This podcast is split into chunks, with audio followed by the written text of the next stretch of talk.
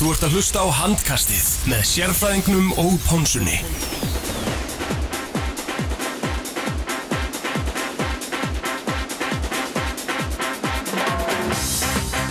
Jú, komið sæl og blessuð, handkastið heilsar ykkur hér á þessu mánundaskvöldi. Við erum í Njúbalanstúdíónu í samstarfi við áttuna og í bóði Kúlbett.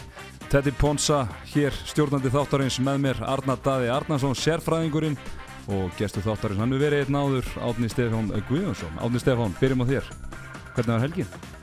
Herri, hún var bara hljómandi huguleg og, og bara gott að vera komin aftur, gott að vera búin að fá trösti á ný. Við erum búin að vera rótara liðinu mikið hérna í síðustu þáttum og það er bara, það er pressa á kallinum í dag að standa sig. Það er ljóst. Hvernig er búið að vera heima að hlusta á okkur vilsíkuna? Það er búið að vera djöfull ljúft sko. Þetta er geggju viðbót við, við flórunna sem er, er, að, hérna, er að taka bara, hvað segir maður, taka við sér í kringum handbóltan. Þetta er hérna setnibilgjan á þetta og svo bara Twitter líka, Twitter er virkur, menn er að tala um handbóltan á Íslandi í dag. Þetta er aðalmálið.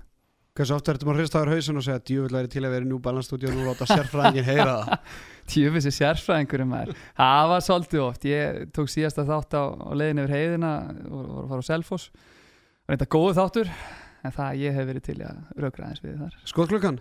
Skotklukkan Svo, svo kallaður sérfræðing? Svo kallaður sérfræðingin, já, nákvæmlega Arnar, það ert ekki bara góður eða? Já, róli helgið að baki, friki dóra á lögadöðinum og, og síðan bara handbólti frá 9 til 10 í gæðir og Já, hvað með þig, Theodor? Herru, það var bara rólega og þægilega helgi og mér líka þannig að ég kem bara feskur inn í þáttinn í kvöld þannig að hérna við ekki bara byrja þetta Let's go! Já, hendum okkur norður það sem að var að ljúka leik Káa gróttu liður sem var spáð neðalega í töflunni. Við spáðum í hvað, tíund og elletta sæti ekki satt?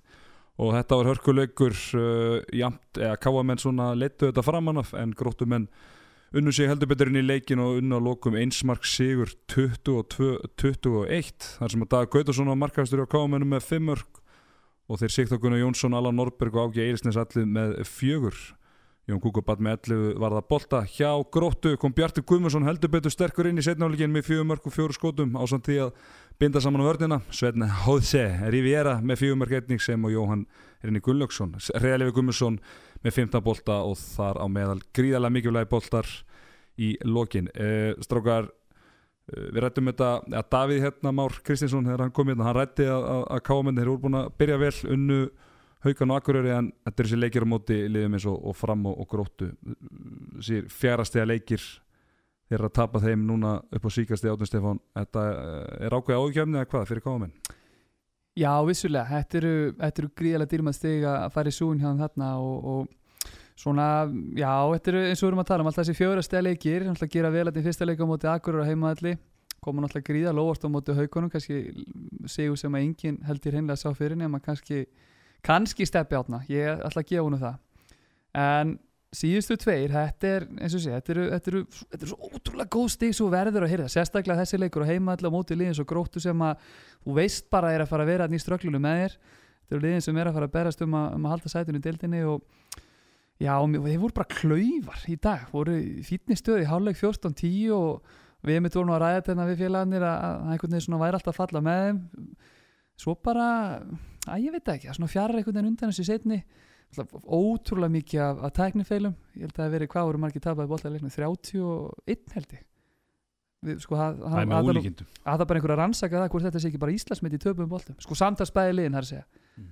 káða náttúrulega með tölvöld fleiri bólta samt og já bara kannski skortur og gæðum Arnardæði held ég. Já klárlega og hérna við náttúrulega horfum á þetta í, á stöðu sport 2 tók sem tíma að græða útsendinguna en sem betur fyrir náðu við félagarnir að horfa á þetta og hérna þú veist, ég er nú aðeins búin að fylgjast með hérna veðmála síðan fyrir leik og, og stuðulega káa og búin að hríði lækka fyrir leik. Og ég er svona, ég glótti svolítið við tönn, ekki það að ég hef satt að grótið að káa bara dætt ekki huga að setja á hann leik þar sem þetta er svona, svona lið sem maður getur, veit aldrei hvað að bjóða upp á. Gróta getur við í leikamáti sko IBF í Vestmönnum og svo geta að koma heima öllin eða bara eins og á valsvöldinu og skora 15 mörg þannig að mér hefði ekki dótt í huga að hérna, setja á þennan og það má ekki glemja því að Káa náttúrulega spáð 11. sæti og er bara eitt af liðlegur liðinum í deildinni sko. þannig að af hverju ættum maður eitthvað að trú, treysta þeim fyrir peningunum sínum sko. þannig að þeir sem eru fíklar hlusta á sérfæðingin sko, ekki setja á Káa allavega í svona leik Halló. Já, einmitt, í svona leik. Setið kannski á káa frekar þegar koma út að móti haukum með val og stöðlinn er fjórir eða fimm eða eitthvað skilur aðeins til að en allavega ekki, ekki þarna en hérna má ekki glemma því að káa náttúrulega búin að vinna tvo hörku heimaleiki en og bara velgjört að gróttu að ná tveim stigur en, en sko þó að gróta hafi verið 23 mörgum yfir fyriráleik og við rættum það nú meðan leik stóð þá leiði mér aldrei illa fyrir hönd gróttu mér fannst þeir alltaf svona yfir þeir voru ekkert að flýta sér og mér fannst svona, ég var svona að reyna að horfa á yfirbræða á þeim og bekknum að Einar Jóns var svona alveg nokkuð slakur. Mm. svona, er, ég, ég ætla bara að að halda þessi leik í 40 mínútur kannski og þá er, er sko úslitin ráðast á senstu 10 mínútur korterið.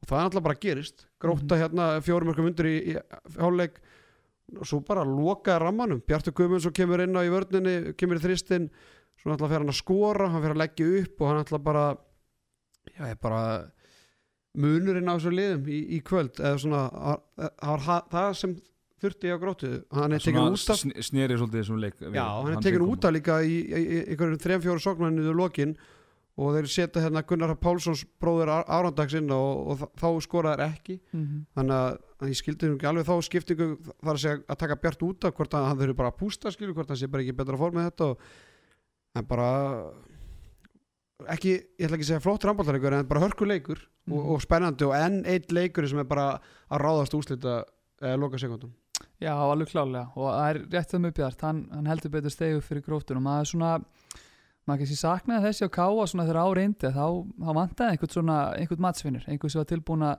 taka leikið svolítið á kassan, lokasóknin svolítið bara svona kórunaði það fannst mér, hún var rosalega ráðalus menn einhvern veginn bara vissi ekkert hvað var að gera, hvað ég voru að gera Ef og, ekki, ef ef að stoppa þarna aðeins og, og, og ræða þess að loka jú, tökum hann aðeins fyrir Þess að síðustu Eða- eða 45 byrja sekúndur. samt fyrst á vippuna hann er skremm Já, hún var svona cirka 8 metri yfir og Jétt hann kóraði hvað ég að segja slaka leik sér sóknarlega, við erum nú gefin á það hann, hann stóð vaktina vel í, í, vörninni. Já, já, þessi Uh, vippa sko. Og ég skil ekki alveg, ok, hann spila vörn og þú náttúrulega vilt að kannski Vardamaður hlaupi tilbaka. En af hverju ertu ekki bara með Svein Hóse með 100% Mhm. nýtingu í loka sókninu og bara lokar þessu eða þú veist, er, treystaði bara ekki hann á ég, ég held að var það ekki, var það ekki bara málið, hann var, var í sko, var ekki meina frekar en tvær, hann var allan meina varnaskiptingu á þessu tímapunkti og, og ég meina hann er skrim sko, hann var búin að fá boltan hann einu sem fekk ruðning á sig sko svo var hann bara að klikka tveimur skotum og ég held að hann hafi líka fengið ólega blokkir ekki fyrir áleik þannig að ég, þú veist, þú varst bara náðast manni farri hann, hann er skrim í loka sókninni Já, já, þetta er náttúrulega eins- og þetta segir, þú veist, alltaf sér þjálfari, þú ert alltaf að spá í sko næsta leik og næsta leik og næsta leik, eða sem sagt, næstu svo, næstu bara vörn, sko. Mark hefði bara klára leikin sko. Algjörlega, já, algjörlega, en, en það er að svona, það er spurning það hvort er þú svona ó, takir kannski sensin. ó, ólíklegt að línumarinn er líklega ólíklegt Já, en það er kannski betra að vera þá allar með fleiri leikmenn sem eru lík, líklegar til að skora eða þú vilt skora. Já. En ok, ok, ok, ok, ok, ok. Ég Hann- skil þetta alveg sko. Hann vippar hann eitthvað upp í, upp í. VIP stofun hann hjá þeim, hvað eru Já, henni. já. Svo eru bara 40 sekundur eftir á klukkunni eða ekki Já, það eru Rétt, rétt cirka bát. Já. eða svona rúm, rúm hálfmynda kannski. Já. og þeir fara í, í, í sókn og sko ég veit ekki hvað var voru þeir að býða eftir að heldur þeir að nætt eftir leikli eða Ég meina hvað, sko, hvað var í gangi gróta tekur alltaf leikli í sinni svo mm og ég skil ekki, þá hlýtur steppi herru, stöndu vörnina og svo fyrir við sók og tökum þetta eða eitthvað.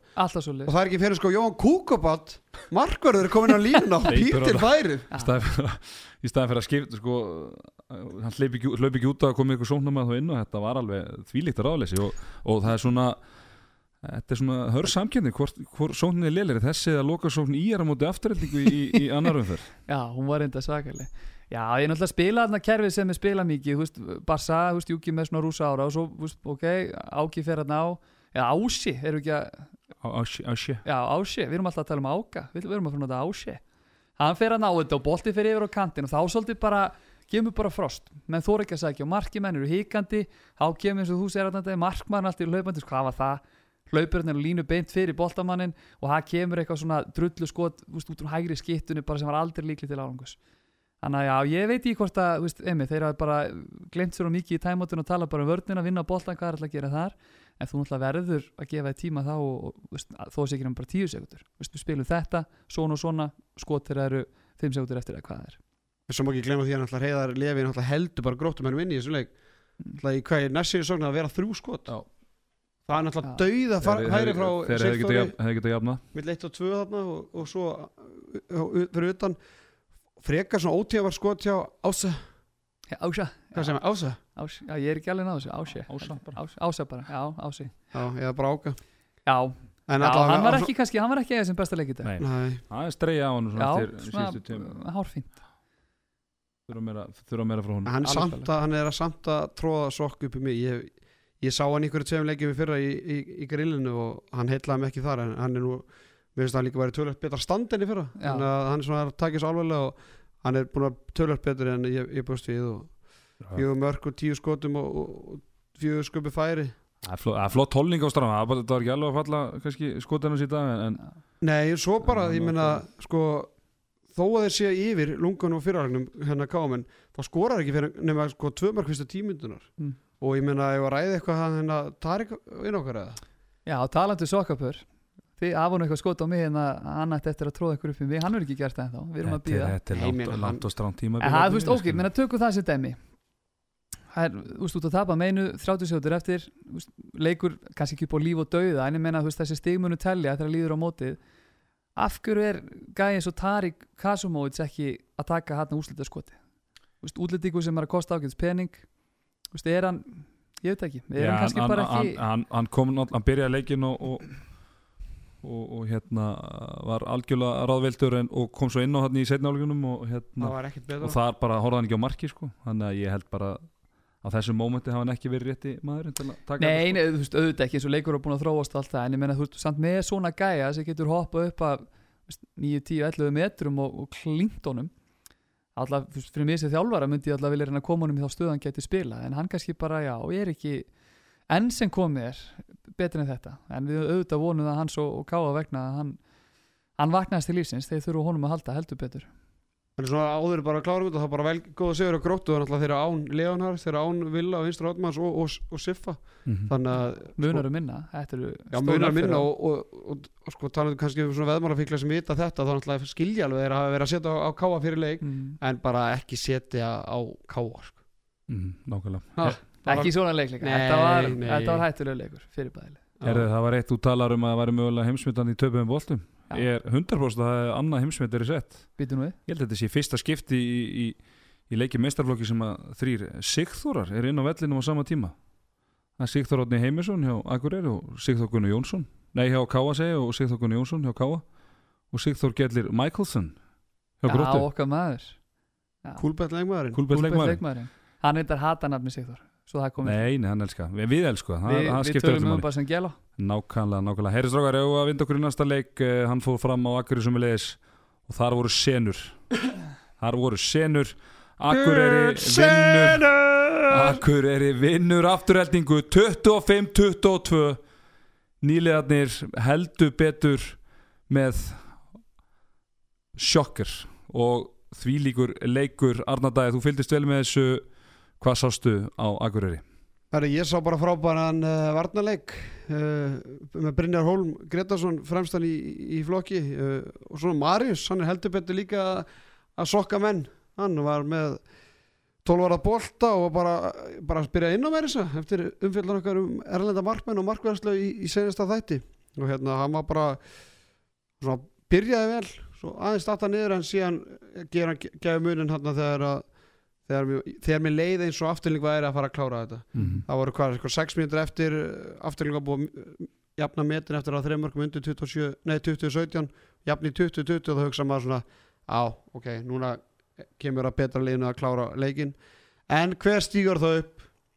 Minn uppáhaldsleikmaður í Akureyri Hafþór Vignisson. Enn á aftur. Gekkjaður skora tömörki röð. Já. Og er bara, þegar leikurinn er algjörlega í, í átnum ég meina gæin með 6 mörg og 6 skotum, hann er með 9 sköppi færi og hann er með ykkur 6 lögulega stöðanir þetta er bara þetta er alveg leikmaður. Þetta er, þetta er skemmtilega leikmaður. Ég, ég, Já, ég bara, mér klæða bara í puttana fylgjast með þessum gæða núna að vaksa og dafna næstu árin. Og svo fær fá að fá hann að Svo- næsta tímfélagi Svo fáið að fá hann eftir tíma, er það ekki alltaf svo leiðis Já, fá og eða, þú veist, hann náttúrulega þú veist, bara vonandi fyrir Akureyri bara, veist, þeim gangi það vel að hans framtíð líki þar eitthvað áfram en, en hérna svona ef kannski fer sem horfir að þá náttúrulega þessi strákur að fara klárlega í eitt af, eitt af betri liðum deildanar eftir, eftir tímanböli ef, ef Akureyri fellur, það heldur sér nokkuð ljóst. Alveg klálega uh, Ígor Korsvinski, hann setur sjömörk og heldur áfram að spila vel.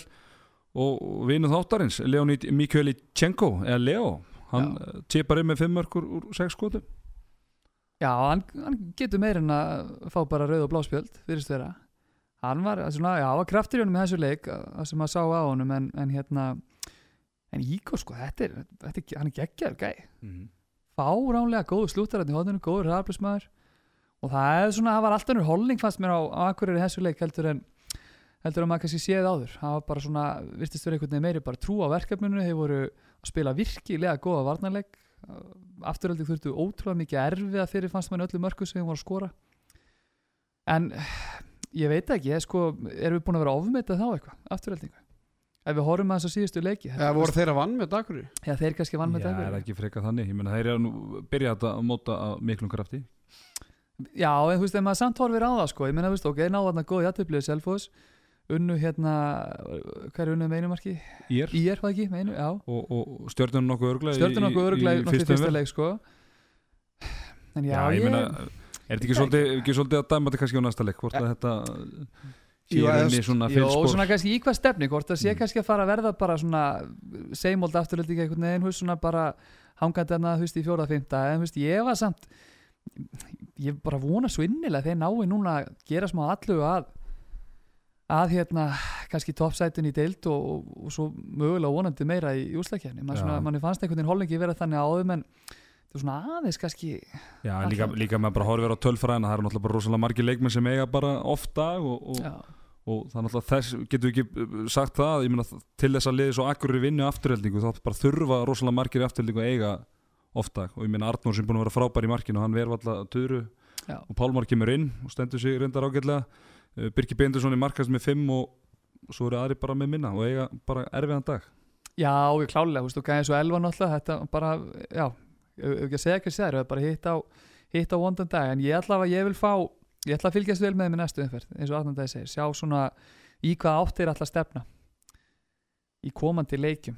Já, ég veit ekki alveg hvað tölfræðu þetta að lesa upp uh, hérna, þetta, en ég held að Einar Ingi Hrapsson er markaðist með sex mörg, allar sangat skýslinu HSI Sangat vísi er með fjögur hérna já, já. Já, það er, maður, það er bara HB Stats eða HSI Við erum ekki að styðja vísi eða aðra samkynnsins aðila Já, það meina, það er bara allir saman í þessu. En hérna, en sko talandi um afturlíku, þá held ég bara, svona ég ætla nú ekki að skrifa þetta kannski á, á vannmæti ég held að þeir hafa bara ekki hitt á sinn dag. Mm. Hversu oft er sko Elvar Áskers með 2-5 í nýtingu finnur Ingi nú ekki vanur að klikka mörgum skotum? Július Þóri með 1-4 Emil, Emil Katvaldi með 1-4 Birki Ben, jú, með 5 mörg og þurftu nokkur skot bara eins og gengur að gerist en svona sóknarlega voru þeir bara ekki hitt á sinn dag held ég sko. Mm og ég meina og svo náttúrulega það er bara erfitt að fara norðu við vitum það. Og hérna og ég meina já æ, þú ert eldandi svona er það jafna og þá, þá fer markmann í gang og hafði þá skorað tvö mörg og svona þá er þetta erfitt sko. já, ég meina þeir hæglega í tíu tilvökum hefði afturling unnið hann leik í stöðinu 20-20 og 6 minnir eftir held ég, Mhm. í, e, e, í níu af tíu skiptum held ég, ég held það. Ok, ég skal kaupa. Alltaf kaupa í ég alveg skal kaupa. Já. það er verið að gaggrinni, ég er búin að heyra það að það er enginn sem þorir að fara á móti mér í þessu podcasti. Er það Já, virkilega? það er allt, við erum, að- menn er að meina að við erum sem allt miklu jámenn Sí, og það þorir ok, enginn að gaggrina hvern annan hérna sko. ok, Ætlar ég alveg að sammála því að afturlíka unn- myndi vinna nýja af tíu skiptum? Ég, Það er alltaf lagið sko. Já, Já. átta, ég segi átta. Átta kannski tíu já, þú veist, jú, ég skal alveg kaupa það. Þetta hafi verið einhver ofta en við náttúrulega tökum ekkert á akkur þeir voru að spila ógeðslega góðan leik heilst eftir leik, Já, bæði meina, kannski í vörn og svo. Þeir þurfa líka að það, gera það til að vinna leik alveg klálega, alveg klálega. Þannig, ok, ég já, finnum eitthvað eftir sem skulum vera ósamálum eitthvað bara svona alveg svakalett Já, þó nú væri. Já, Ég- ég, ég- til í eitthvað, ég til í ég- smá rimmu. Ég held að verða í næsta leik sem við ætlum að fara yfir. ok, Eru ekki bara tæmdir og akkuröri og, og ekki að vinda okkur í, í, í Kaplakrika já, Cable Craig. Cable Craig. Cable Creek þar sem að FH vinnur stjörnuna 28-27 í gríðarlega dramatískum og spennandi leik þar sem að dómararnir fengur nú heldur betur fyrirsæktunar uh, Einar Rapp Neðsson markaðistur hjá FH hann er mættur til leiks, velkomin Einar Rapp uh, með sjömörk Ágúst Birgisson með flottaleg og línunni með sex stykki hjá stjörnunni Egil Magnússon, haldið ykkur fast 14 mörk Velkomin til leiks. 21 skotu, talendum að bjóða menn velkomna til leiks. Egil Magnússon, virkilega solid framistað þar og Lea Snær með sjö, Birki Fanna með 12 ára bolta hjá FH og Kristofin Fanna Guðmusson hann er komin í Karpærikan Í hodnið í hotnið, samkvæmt uh, textalýsingunni á vísi, nei, í markið. Og hann kannski fann sér ekki alveg þessu leik en spurning uh, hvað áhrif það hefur á F-fólið ræðan það kannski betur á eftir. Sveipit Petursson komið í marki hjá stjórninni með áttabolta og Siggi, Siggi Seðill með uh, þrjá. Enski. Enski, Siggi enski. Uh, strákar F.A. konu með sjö stig eftir fjóra leiki. Uh, en getur ekki sagt að stjarnan á allan að sínt batamerki Jú, engin spurning, ég held að, held að stráttur í tapi, þetta sé kannski svona þeirra, einn þeirra besta framist á tíðanbíl, alltaf munar um líka að fá bubbatnin í markið, hann alltaf bara strax á sko fyrstu fimm minútum bara er að rokkin einhvern veginn í gang Egil alltaf sóknarlega frábær. Allt hann að flæða á liðinu þegar okkar maður Ari Magg er mættur í skiptuna. Hann að það er já, vonandi eru þeirra að svona aðeins að, að þetta í gang, það reyndar ekki komið í nóvumber þannig að sjáum til með það. Jú ætla verða góður í þeir verða svo góðir í nóvumber en sko með, já, F-fáliðin alltaf bara er að raðin stigum. En maður hefur samt pínu að því þú veist að eins og vorum að ræða þetta með á í fyrra veist að þá þá segir náttúrulega okkur eða ekki, gekk okkur ógislega vel. Vorum að vinna leikina þetta svona tiltöla þægilega. En þeir eru erfiða rosalega núna í þessu leikjum, þetta eru, þetta eru, þetta eru erfið stig að sækja. Þannig að ég er svona já, pínu áhyggjur aðeim núna í komandi leikjum þegar svona hákallatörnum byrjar. Valur, er afturölding Selfoss, IPVF. Er það ekki smá ellert bara með að við bara hópinni fyrra versus hópinni núna Jú klárlega og við, ég veit ekki hvort það er rætt að en ég menna bara eftir 2-3 mánuð þá er ekkert spurt af því hvernig þeir náðu þessi stíði sem þeir eru komið með í töflun og, og ég menna ég hef bara vikinn það að, að fyrir, fyrir deildina hefði ekki búist við að FH væri tablusir eftir fjóru umferði það verður bara að segjast, ég menna þeir Mm. eru náttúrulega hau- hauka í fyrsta leik hvað er, að- hvað er að- átt síðan gróttuna náttúrulega fram. getur nú sagt að er, svona, þessi heimaleikir séu nú svona freka vinnarleir fram gróta og stjartan Mhm. Já, ok, ég hefði kannski búist að haugarnir myndu vinna í fyrstu umferð þannig að kannski 6 stig hefði verið bara velgert hjá þeim og 7 stig er bara ennþá betur hjá þeim sko, þannig að þeir getur nú bara að prísa sér sæla. Maður þarf að vinna þessa leiki sem maður er í, í fyrstu alveg heiklust sko, sko. en kall bara í mikið stjarnan. En aftur, paldi ég verðum að rósa þeim fyrir góðan leik en svo lítar töfluna á bottinum Þetta er nú bara, 0 stig. og reynir bara sama og, og var í gangi í Vestmannu þannig að sjáum við ekki þá sláturinn í næsta leika já, er það ekki? En þetta, já, ég er sammálega svolítið það er líka, þú veist, Egil er að hitta og svona leik, þú veist, Bubbi kemur aftur í markið bara, þú veist, og Ara Magnús loka búinum tíðumbil Ari Magnús er komin og samt einhvern veginn náðu þeir ekki að kreist út þú veist, ég veit ekki, eru kannski að hitta á dag það sem FO er kannski ekki upp á sitt allra besta ég veit það ekki, þannig að já, það er kannski er, er myrkur í mýrinni? Já, það er Aha, má, má, má segja það það var allan eitthvað í vatnin á þetta daginn var það ekki á, á vísi, þannig að það er Fro, og frost í Garðabæi og, og veturinn á leiðinni sko alla græjur en hérna En hvað með hérna dómgæslun hérna, eh, ég sá fyrst alveg ekkert viðtalið rúnar eftir leik.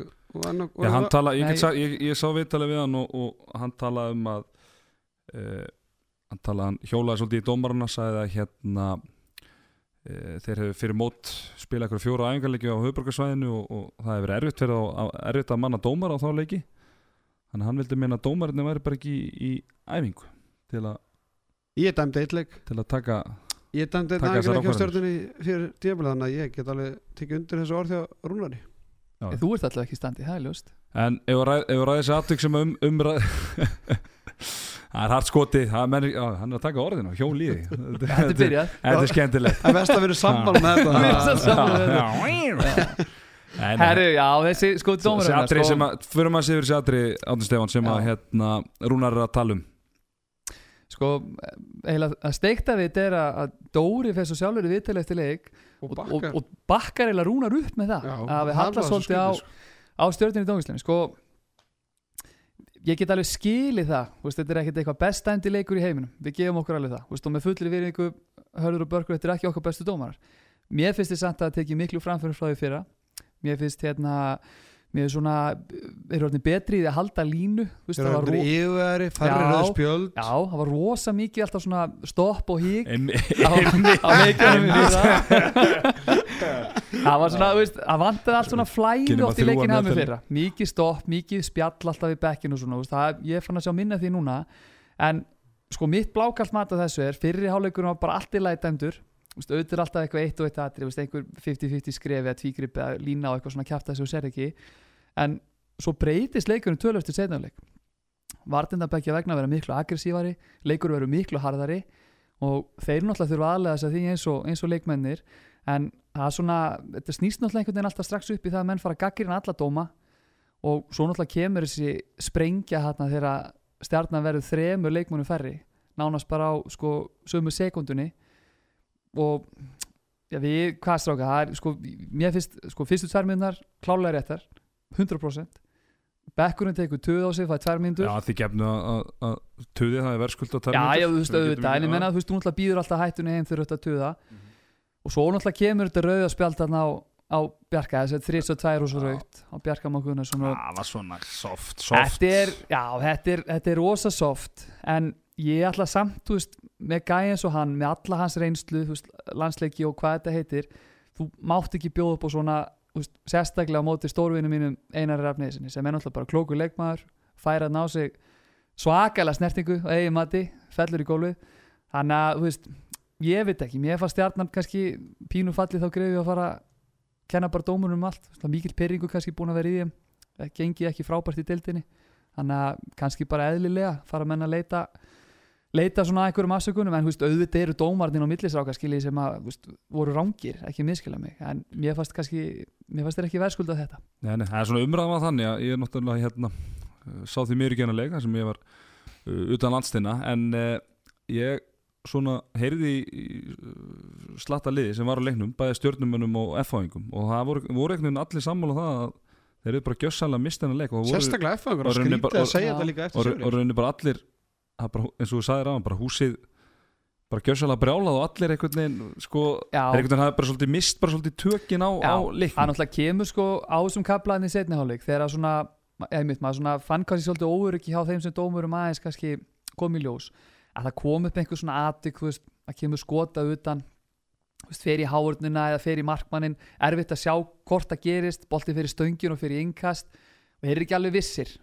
annar dómar er dæmir eitt, hinn dæmir hitt þeir konferensi eitthvað saman, taka fundin og á svona mómentum, leikurinn orðin svona harður eins og hann var þá náttúrulega bara er stutti að sjóðu upp úr og veist, auðvitað beinast og öll spjótað þeim þegar menn finna já, kannski þetta óuriki, ef ekki að gefa þeim það. Það hefur verið svona Ég held bara að fólk hafi bara litla sem enga þóla með fyrir herðu og bergi því miður Já, svo er það Svona uppsafna kannski og bara því miður því að þetta eru miklir öðlingar, öðlingar utan allar miklir öðlingar og bara við spyrum líka bara virðingu fyrir því að það er ekki margir menn sem enn að standa í þessu dag að dæma handbóltalegi Já, ég er nokkuð líka viss um það e- ef það væri tíu pör pluss í viðból sko, þá væri Börkur ekkert að þessu. Hann er nú eiginlega bara að þessu til að bjarga Einmitt, hérna sportinu, hann er bara ekki vænt um sportið sko, þannig að bara virðinga verðt en svona áður við förum úr eða bara, fyrstu, eða ekki bara skipta okkur úr hérna þessar umræðu og, og hérna F-fanginu alltaf var að sæna nýja leikmann. Þeir sæna nýja leikmann, já Það er búið að vera fyrir, fyrir, fyrir um landslýsmöður Fyrir landslýsmöður Það er heila landsleika baki? Það er náttúrulega búið að vera eitthvað meðslavissin á, á Birki eins og kannski vissum að mundi gerast. Það er náttúrulega bara skrokkurinn ánum er þannig því miður. Og svo náttúrulega er það Hann lasar okkar Okkar allra besti sem að bara Já, er kannski eitthvað að tapa tröstunni hjá Dóra. Ég En þetta er bara frábært sæn hjá það Jú, sko, en þetta er samt hættulegt að vera kannski með tvo gæja sem eru með þessa meðslasjóa baku sig. Það getur búið hættunni heim Svo ertu náttúrulega bara með unga strák þar á baku Þetta meina hver, tvo hvað? Hérna, Kristófur og Birki Já, Birki, já, ef hann ætlar að vera með þannig með Birki og Kristófur saman Já, sko. ég held að Lasa verði nú ekki en að hann fá ekki jólun á Íslandi sko. Já, ég meina þá, þá ertu komið með Birki og, og Kristóf sem að hérna eru báði búin að vera í meðslabræs og sérstaklega um það Kristófur undarverðinar Já. Þannig að það er spurning hvort það sé, líka, of, það sé of átu samt Já, mér svona heyrist líka honum að hann svona alltaf fara eitthvað róli á stað Þú veist, er kannski ekki alveg að mæta alveg á allar ræfingar rólin alltaf sko er alltaf að sjá bara hvað skrokkur nánu leifir en ég meina ef hann er í þokkalegu standi sérstaklega ef hann getur komið kannski sterkur inn í þetta eftir, eftir janúarpásu þá náttúrulega staðan er gjörbreytt fyrir FH í, í markasmálum sko. Og ég myndi þá, þú veist, þá eru þeirra orðin bara svaka biti til að veðja á þurru uppi staðið, að mínum andi og Einar Abneðsson svona einn af þeim sem maður getur sagt búið velkomið í deildunum með sjö mörg og, og ég meina F-fangarnir þeir eru tablauðs eftir fjóra umferð með markatörla fjóra í pluss mm -hmm, nákvæmlega. Mm. það er, er ísastótt en það er nú heldur betur gott að, að, að, að það sé búið að trekja einarfn í gang fyrir prógramið framöndan ég ætla að lesa upp fyrir ykkur næstu leiki hjá F-fang Klárir. Með eitthvað betta undir það? Tjururum Eru, það er Benfica í Evropakefninni næstu helgi þar sem er spila báða leikin úti. Uh, svo er Selfoss heima helgin eftir það svo er Ír úti, afturölding úti IBF heima, Val úti. Og akkur út og svo akkur og úti. enda svo akkur, já. Þetta er hörsku prógram og þarna náttúrulega, þú veist, ok, þetta er ógeðslega margi leikir og þú veist, eitthvað bla bla bla, við skulum ekki alveg missa okkur í Hvað er það lengur tíma, þið það? þetta er fram í lók nóvumber held ég. Svoleiðis. hefur verið En þarna náttúrulega mun svolítið sker úr um sko hvar við ætlum að hafa F-fáliði í vetur eftir þessa törn. Þarna fyrir svolítið að reyna á hópin líka, þú veist, náttúrulega komist kannski svolítið upp með að núna spila bara söma, sama mannskapnum. Eh, eins og Dóru náttúrulega vill, hann bara er bara þannig, þannig þjálfari þarna held ég munum svolítið sker úr um hvað staðan verður. Ok, þetta eru sex leikir. Fyrir utan Benfica leikin og höfum þá í svona sviga getur náttúrulega haft áhrif á leikinu deildinni. Þetta eru Mhm. Selfoss heima, Í er úti, Afturhaldig úti, IBF heima, Valur úti, Akkur úti. Sex leikir, Átni, þú sem F-fangur, hvað viltu að fá mörg stígur þessu leikim? það er svo leismæður Bæði sem stuðnismæður og hvað myndir að vilja á sem þjálfari? um, ég myndi setja 12 sem þjálfari. Sem þjálfari. sko ég vil að ég myndi vilja sjá þau vinni Akureyleikin, vinni Íleikin ég myndi setja kröfu að vinna afturheldingu við höfum verið með, sorry, FH með gott takk á, takk á afturheldingu undanfarin ár. Ég heldur vinni ekki ég heldur vinni ekki IBVF ég heldur vinni ekki Val, ég heldur vinni Selfoss. Hvað er þetta á mögustig? Já, Þeir fjórir- stig. 8 punta Já, 12 ég ætla að vera rosa djarfur. Ég, ég hef trú að FH-liðinu núna. Ég, það er einhver svona, einhver ára þarna yfir þessu. Ég kannski myndi mikið nú eftir að frekar ég fór. setja sigur í IBF Já. og ekki Selfoss Já, ég er alveg sammála Arnar þetta þar sko. Ég elska hvað allir er sammála sér. Nei, ég er bara, þú veist, ég er bara mína skoðanir og algjörlega óháðar þínum. Herðu, ef við að uh, fara á blásvellina. Schenkenhöllina, uh, Já. hauka fram Það blæst byrlega 34, þar. Heldur betur 34, 30, nei, 34 28 fyrirgefið fyrir haukum þar sem að Heimir Óli Heimisson hann uh, þakka heldur betur tröstið með 8 mörg úr 8 skotum. Ef Hald- Heimir var í FH, fyrir ekki á væri Twitter Heimir landslið, Heimir landslið. Er það svo leiðis? Já, ó, já. Þessi tvíti fyrra það menn voru farin að vilja sko Jón Birg í landslið sko Æja, áfram gakk Æ, áfram gakk, herru, Haldur Ingi Jónasson áttist nú, þekkir hann ágætlega, 7 mörg úr 7 skotum Já. þar. Gast ekki gast ekki nota hann? Er með flottur, hann er búin að vera mjög flottur eftir að hann fór yfir í haugana. Algjörlega, Gretar Ari frábæri markinu með 17 bolta varða uh, Hjá fram Þorsteinn Gauti langmarkastu með 9 mörg og Valdimar Sigursson með 5 uh, Viktor Gísli með 13 varða bolta strákar haugarnir þeir eru komin á fínt ról eftir eftir afhróðið í Káheimilinu Já, þú veist, og ég bara svona kannski eftir á að hyggja heldur bara hafi kannski haft gott að því að fá eitt svona kjaftsök í andlitið. Alltaf búið að rosa mikið hæpi kringu á fyrir mótið en gekk ógeðslega vel undirbúðstíðum það var einhvern veginn allt í blúsi með þeim. Og já, kannski bara var þetta bara sem hópurinn þurfti bara að fá smá svona, lemja mér aftur nýra á jörðina. Og maður svona sér það líka bara á þeim að það er svona já, bara betri holning held ég að þeim heldur en, heldur en var þarna tíðanbili nú veit gerir mig enga grein fyrir hvort að umræðan hafi verið orðin þannig bara hefur bara, veist, við vinnum ekki allt núna það var allt í bulli, veist, hún hlað rættir að mikið arnandagi fyrir að, titlalust tímabil og, og allt Tvö í þetta, röð. tvö í röð. Þannig að það er svona, já, það er einhvern veginn meiri, meiri svona bara gleði og, og, og stemninga nefnir, svona munar rosalum að fá tjörfa inn maður. Óh, djúvillar en góður í handbólta shit, sko Já, ég meina og sérstaklega í það sem að Daniel Þór Ingarsson alltaf var var, neil, var ekki með haugunum þótt hann hafi verið með í hóp þá var hann ekki, spilaði hann ekki neitt og, og bara velgert í haugunum að sigla þessu nokkuð þægilega í, þundur lokin bara með sex mörgum og, og ég meina það var takk fyrir framhagar að, vinna hauga á, um helgina en þeir bara áttu það bara ekki skilu og, og voru bara bara hvergi nægilega góðir sko. Ég meina vörnin bara hræðileg á löngum tíma ég meina haugandi byrja bara á komast í hvað 7-3 á fyrstu tímundunum og, og skora bara vild nánast. Uh, Viktor Gísli klukkaði ekki var, var að verja þessi lélu skott Mhm. þegar svona hendi var uppi eða eitthvað þröngu skott en var ekkert að verja úr hotnunum sjáum það bara heimir með 100 snýtingu línu skott, Haldur Mhm. Ingi með hérna 100 snýtingu í, í hotnunum líka.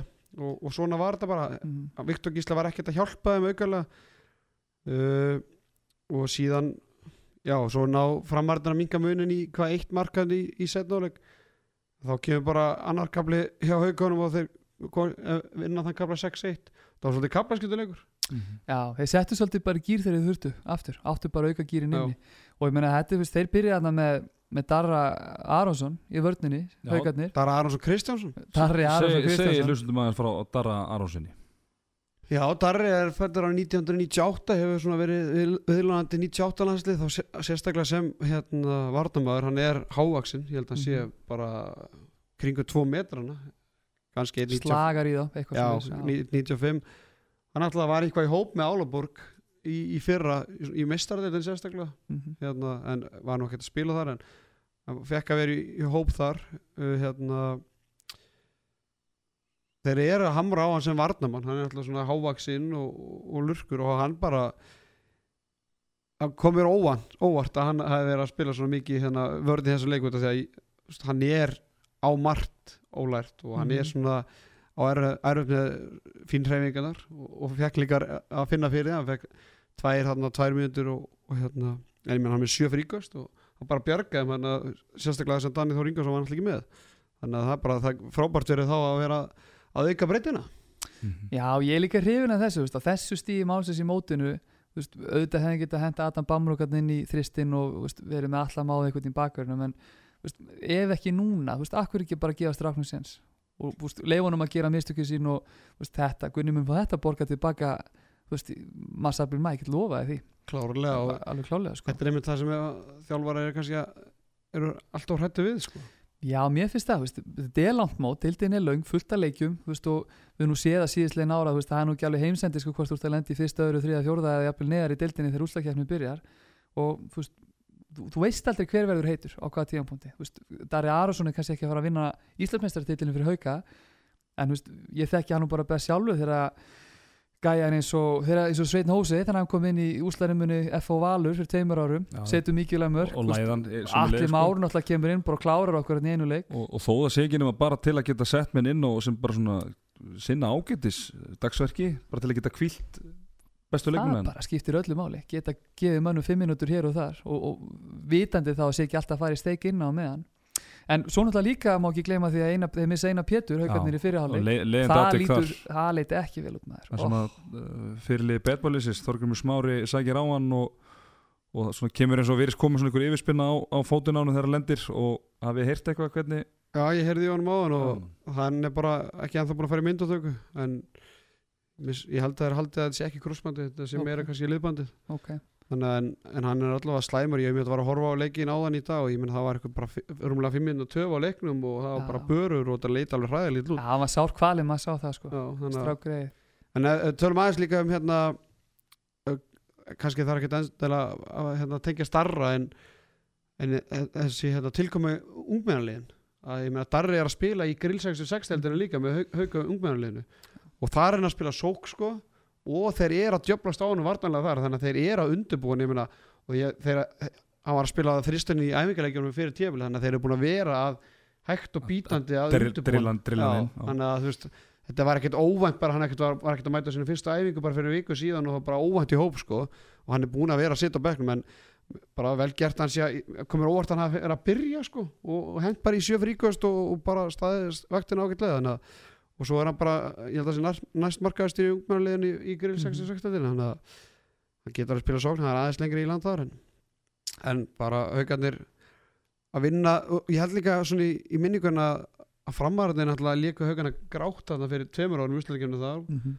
þannig að bara haugarnir að vinna þetta með sex mörgum á Daniel Þórs og Ásker Örn með núl mörg allir læðan var, var ekkert að skora alltaf mikið. Já, með eitthvað sjörundar en mikið á víturundar en eh, tölum að sem Áskir Ötn hann uh, á í vandræðu með hann reyndar er með eitthvað átt stóðsendingar en hann er búin að vera smá basli með að skora í vetur. Núlmarki þessu leik og við erum að tala um eitthvað 2,3 marka meðaldali og, og, og 36% skundending Já, svona til varna var kannski þessi skot hjá hann þetta er ekkert úr einhverjum opnum leik eitthvað, þetta er hann að taka einhver skot þegar hendinu uppi eða Nei, eitthvað skot svona, svona, já. þröngvað sko. En samt sem maður og maður var að vonast til meira og miða hvernig hérna, leikmenn hauka voru að tala um ásker fyrir tímabili. Og alltaf þetta var valin leikmaður hérna hvað, leikmaður Ragnarsmótsis á Salfósi og hérna maður, ég verði að veikina ég bjóst meira af áskeri fyrir tímabilið en, en þeir eru samt virkilega ánæði með hann og þannig að hann er þeir náttúrulega voru nánast án örfend skipti í fyrra. Þannig að all, allir sókna bragur og, og rytmi í sókninu náttúrulega allt annað með hann. Og hann er náttúrulega með hvað hann er með eitthvað kringum hann er með átta stóðsendingar í þessu leik sko. þannig að það má ekki glema því. Og hérna en auðvitað vilja menna Ásker Áttan Hallgrísson sem er að koma heim núna eftir fjölda ári aðdæmuriksi farið nú að skora mörg. Já, já, algjörlega, en mér þetta sem svo góða punktur veist, þeir, þeir kannski þurfa ekkert á því að halda að hann sé að skora 6-8 mörgir leik. Það er bara þetta, fá örfmynda mannarninn flæði verður allt annað, þeir geta spila miklu meira, veist, öðruvísi og, og kannski betri kerfið út svolítið heftur alltaf með réttindan þannig að veist, ef þeir eiga hann eitthvað inni veist, kannski, ég veit ekki, kannski er aukslinn eitthvað að plaga. Við sáum það nú bara alveg frá því í hafnafjörðamótinu, stórmunur á hann sko frá Ragnarsmótinu yfir í hafnafjörðamót og hún svona, veist, hann er ekkit, ekkit sannfærandi oft í skotunum hjá sér. Þannig að eins og segjum, en ef, að, ef að það er eitthvað ángrað þar og þau geta jafnvel tjastalum eitthvað saman, hann er að verði bara klár í stærra og meira eftir áramót og þá náttúrulega heldur þessi ekki að spurja þið með þetta haugarlega sko. bara svo lengi sem að Ásker er ekki að pyrra sig á þessu út af því að þetta er náttúrulega er náttúrulega smá sjokk að vera að koma úr aðdurum sko, úr þýsku og frönsku deildinni koma svo heim og auðvitað, ég ætla að gefa mig það að Ásker hafi hugsað sér það þegar hann var komið heim ok, ég ætti nú að geta að skora eitthvað eða skilur við, en ekki já, hver já. bara 0-4 og 1-4 í hverjum eina streik þannig að Já. svo lengi sem þetta fer ekki í, í hausinu á honum að fyrir að pyrra sig á og fyrir að reyna eitthvað meira til að skora það er bara að halda áfram að hann er alltaf mikill haugamæður svo lengi sem hann er bara að hugsa um félagsins og liðsins þá er alltaf hef, hef ég ekki áhugjur en ef hann fyrir að breyta sínu leik og fyrir að láta þetta hafa áhrif á sig Mhm. þá hann alltaf geta það breyst en ég ætla að vara að rugglast alltaf Báru og, og Adam Haug Bamburg sem var með 2-8 í skotindíku og eins og ég segi vel gert að vinna þetta með 6 mörgum án Daniels og Adam ekki betur en þetta Mm. þau eru alltaf mikið um Adam í, í senast á þetta sem reysi heldur betur upp þá en, en það var svona erfið dagarskristóni hjá, hjá Adami Mhm. Nákvæmlega, herðu, hefur vind okkur í uh, á, í Órikó höllina að hlýðarenda, þar sem að Valur vann uh, nokkuð þægilegan sigur á ír svona endingu, uh, 28-22 eftir að vera jæmt í hálfleik uh, 14-14 hjá Völsurum var Anton Rúnarsson markaðastum með nýju mörg þar af átta úr vítakostum Magnús Óli Magnússon með fimm mörg og Daniel Fyrir Andrisson hann átti flotta leik í markinu með 13 bolta, samkvæmt því sem ég er með hér fyrir fram að mig. Uh, Kristján Orri Jóhansson aftur flottur í yringum með 8 mörg og Pétur Átni Haugsson átti góðleik sömulegis með 5 og það áttilega við það báða þeir voru báður mun betri í, en þeim setni, uh, Stefan Nílsen með 10 bolta varða, strákar var þetta ekki bara svona, hvað við segja, svona fagmannleg bara framistæði hjá Val? Jú og ekkert, ekkert mikið meira það. Það var ekki fyrir bara endur hennar lokleiks að, að þeir sildu fram úr og, það nokkuð nokkuð öruglega þarna senastu mjöndunar í er einhvern og sérstaklega Bjarni Friðsson var hund fúllasti leik og talaði um hérna óaðan sóknarleik og, og þeir að bara farið með hann leik bara sjálfur og hérna ræðum kannski aðeins er á eftir en, en einmitt talandi um Daniel Freyr Daniel Freyr er stór partur í því að íringarnir hafi farið með hann leik, hann fór bara að verja skotin sem íringarnir voru að taka og, það munar bara um það, ég meina hann er með þrjá borðarð bolta í fyriráleik og svo endur hann með ykkur 15 og og þeir voru að farnir að hérna, ei, ég meina bara Björgun Hólgesson Sturla Áskesson, ég, bara, ég held að hann hafa klikkað einhver þreymir röð. Það Eitthvað sem bara, gerst. Nei, aldrei gerst. Og ég meina hann var hægt að hitta marki á tíðabili, hann var bara hrættuð Daniel. Og þetta er náttúrulega ég, ég ætla- ræðum bara eins í núna. Hversu, er tilbúin í það, ertu- ertu klár? hversu mikið er þetta svona næstu því hjá þeim Þetta er rosa mikið þannig. Já, Já, ég meina þarna eins og í þessu leik þarna ertu bara með hægri vangin þarna með Kristján með nýju mörg og Pétur með sko fimm. Já þetta var líka er- í fyrstu fyrir Já, eitthvað. og þú svo er bara þetta er einhvern veginn út með 1-2 sem er að eiga st- bara frábærleik, svo ertu með svo er bara restin nánast bara mætið allir til Mér leik finnst eins og þessi búin að ræta þrísvar Já, það var, ég me- held að í fyrstu fyrir var hægri vangur góður og vinstri ekki. Svo í næstu fyrir var vinstri góður og hægri ekki. Og svo í fjórið, ég manni hvern, hvernig það var í þriðum fyrir en, en þetta er svo bara að þau myndi hitta og heilsta þetta leik Mhm. ég er ekki að byggja um allir séu bara hérna með 89% nýtingu eins og Kristján Orri en allavega ekki hérna bara Björgun Holgersson 1-5 og, og, og ég veit ekki hvað og hvað sko. Það er náttúrulega bara einmitt þessi, þessi stöðuleiki sem, að, sem að liðinu vantar og það er kannski ástæðanleika fyrir því að, að við vorum ekki að spá þeim hærra en við gerðum að veist, til þess að vera á toppnum í þessari deil þá þarftu bara stöðuleika veist, og ef við bara aftur, sorry, hérna Homer dæmi í mig, þú veist, ef við tökum aftur lipan eins og FH sem ég þekki náttúrulega mjög vel þú veist, út, þetta er bara svo stöðugt þú veist, það er, þú veist, þú bara ert með max 5-6 tapaði boltar í leik það er bara þetta system sem við erum að spila þekkja allir út og inn þú veist, rosa lítið einhverjum svona auðlamistökum, þú veist, vörd, sókn þetta er allt svo stöðugt og veist, þetta ílið bara er ekki komið þangað eins og komir, sér lið. Þú veist, það veist, þessi er góð þennan daginn, hinn er góð þennan daginn, þú veist, það eru stór nöfnandinn á milli, en sem lið bara því miður þá heldur séu bara ekki komið lengra en þetta Algjörlega, en talandum leikmenn sem er að eiga góða leik Kristján Óri, hann er búin að vera frábæra sem aðeins móti Er hann í landslýsklassa? Þetta er alltaf útrúlega ef við, ef við getum sagt vannmetið leikmaður þetta er svona eh, kannski ekki beint vannmetið þú veist það vita allir sem er að fylgjast með deildir hversu góður hann er. En þetta er svona leikmaður sem fyrir undir ratarn rosalundir þetta þeir sem er ekkert að fylgjast alltaf mikið með handbólta bara þeir sem er á samfélagsmiðlunum og mæta sína leiki á sínum félagsliðum vita mjög lítið hver þetta er. Mm. og hérna þetta er náttúrulega bara strákar sem er uppalinn í þrótti fór sér inn í gróttu var síðan fór norðu bara random fór, með, fór í háskóla þar og, og síðan er hann komin er þetta annað þeirra tíma hjá, hjá, hjá í Þriðja ég held að sé, já, hann, við, Já, sko ná- við skoðum að mikið, ég get alveg sett að hérna, þegar ég var hjá FH, reyndum mikið að hérna fá hann en, en var, Bjarni var einhvern veginn búinn á einhverju smá taki á honum hann þegar hann var að koma aftur í bæinn að norðan, voru þeir saman hjá Akureyri eða? já, held að og hérna, og hann kannski líka sá fram og bara, ég veit ekki, meiri spiltíma þar eða eitthvað, en, en þetta er virkilega virkilega góðu leikmaður, valmeti líka hann getur spilað bakver í vörð getur alveg leist að skiptu líka í, í hallari en hann er bara orðið mjög heilstiftur finnst mér, og mér finnst bara mér finnst, einmitt, mér er mjög oft núna að vera að tala um það að hann bara sé að eiga góðan leik veist, fyrra líka er rosa svona ég held að öðrun á hann sé einmitt, sem þá bendu upp á við. Landslýsklassi kannski ekki alveg í dag hann ætla að hörku samkjöfni á mótunum þar. Við höfum mikið á flottum örfendur leikmönum en, en þú veist já, ég menna ég, var hann í bílinu núna valin, bílansleinu, ég er nokkuð vissum það. Út nokkuð vissu það Nokkuð. það? Ég er nokkuð, nokkuð vissum það. Ég meina drengurinn hann með 29 mörk í fyrstu fjóru Já, leikunum sko. já. og, og hérna 78 bara skondending já. hvaða mót er hann eftir, sorry, það er Hann bara sem er- ég veit ekkert um hann. Ég held að sé- 93 já, 93 93 hann var svona viðlandi 92 landslið það hann gríðarlega til sterkur dæmis, landslið. þú veist, að því, ef við ræðum aðeins þetta bílanslið þetta er til dæmis gæði sem ætti að vera þar og akkur getur hann ekki dottið allt inn í landslið þó hann sé þjóðan þetta Ég meina- eftir jafnvel bara 1, 2, 3, 4, 5 ár? Bara eins og óðum er að gera og Tetti hefur að gera sko. já, ég að- meina ég meina hann er það er pottit hann er pottit í myndinni sko. já, en, en hvort að Tetti sé betur en hann og óðin ég meina hann er bara góð, hann er góð slúttur. Hann er góð slúttari, já, virkilega góð jú, kannski á þessum tímapunkti myndi ég setja þú veist, ef ég ætti að ræða þessu upp þá myndi hann kannski ekki vera fyrir framann Tetta og Óðin, en þú veist þessi segi, öðrun á hann er rosalega mikið upp á við ennþá, hann er ennþá bara að taka, taka framförum, hann er ennþá að bæta sig. Og ég held að þessi strákur er alveg ennþá, ennþá inni en til að geta tekið stærstök ef við klárum í er og hérna fyrir svo yfir í val. Við erum að tala um að svona svona vantar svona Heilst eftir framistöðu bara? Já já. Þú veist, er þetta kannski liðið sem Bjarni kannski ekki að stressa sem ekki á svo eftir árum átt það er náttúrulega nokkar nýja leikmenn. Þeir eru náttúrulega með Björgvin er nánast nýja leikmenn frá því fyrra uh, með Pétur Átna uh, Svein Jóhans uh, Steffen í markinu. Þannig að er hann, er hann að reyna að búa til þetta heilst þetta mót og síðan verða bara klárir eftir árum eða, finnst ykkur eins og þetta verði bara svona í veitur sko ég held að hann, veist, ég held að Bjarnar sé þannilega alveg sama þú veist, hann er, veit alveg að fara að vinna deildina. Þú veist, og auðvitað miða allir þjálfar ræðið, þú veist, að toppa þegar úslakefni byrjar.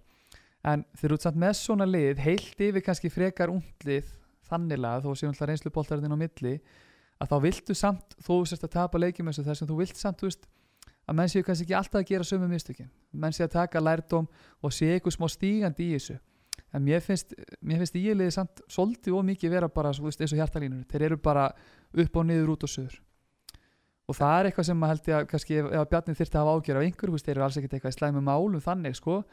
En ef hann hefur ágjör einhver held ég að sé það reyna að finna eitthvað smá svona stöðuleika sem að hægt er að vinna sér alltaf hægt og rólega upp á við.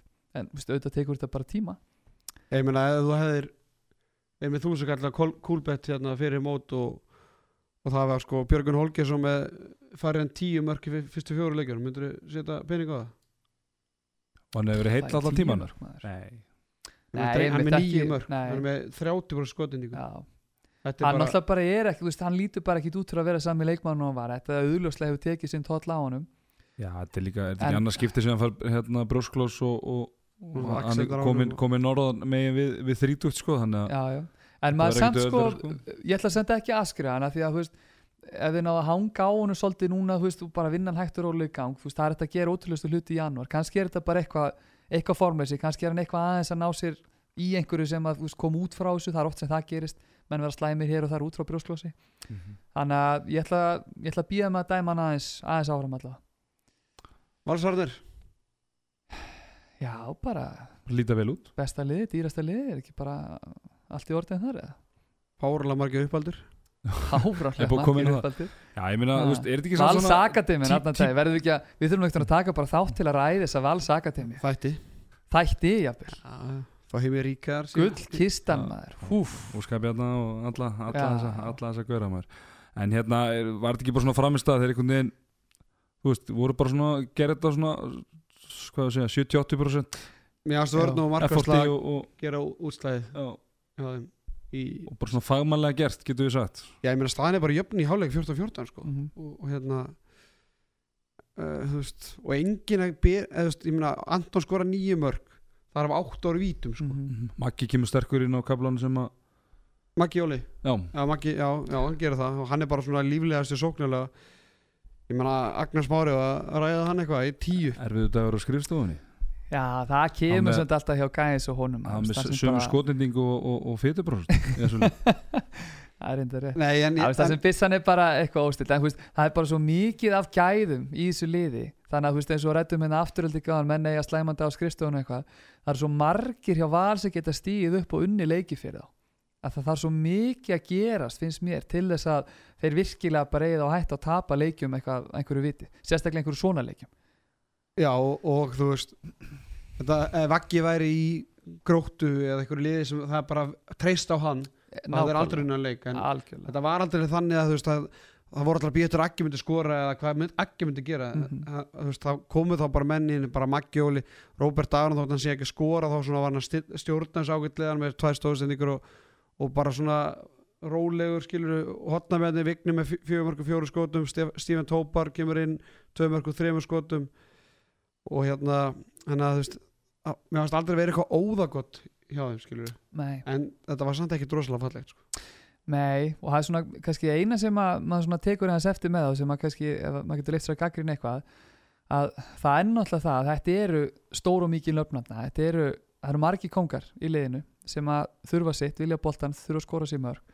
Og maður svona heyrði aðeins, eða svona sá aðeins glitti það í þessu tæmóti þegar Snorri tekur hann í setnafleik og er eitthvað skammast í þeim fyrir að spila ekki sem þeir eru að spila og, og Robby, ég man ekki alveg nákvæmlega hvað hann sagði, veist, eitthvað menn verður þá að, að hlusta á það sem ég er að stilla upp, veist, menn ekki bara segja nei þegar ég spila eitthvað kerfi.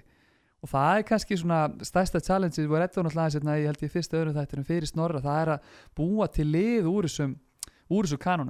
að og það er oft hægara sett en gert að fá menn til að setja liðið á undan tölfræðiplan hjá sér sko Já, ég var því á, ekki því mér, ég var leiknum þannig ég sá ekki þetta um þetta leiklega og hérna, já, kemur frekar skýtu orð þá maður að hugsa svona hver ætti að hafa sagt nei, náttúrulega hann er með akka hliðin á sér sem þeir eru búin að vera saman í 20 ár sko, Já. þannig að maður svona vissi hva, hvað var að meina með þessu sko. og Robby Mhm. kannski svona tíma til að einmitt slípa Einmitt. þessu út úr Já, taktíkinni sko er nákvæmlega hann er fókið í flest þegar að- En þetta er hann, bara kláru það aðeins, er hann bara, er hann bara orðið leikstundandi í dag? Er, bara, er hann ekki lengur bara skitta eins og hann alltaf vildi alltaf sjálfur verða? Mundu bara hans framtíðar plan sem handbóltamæður er það sem leikstundandi?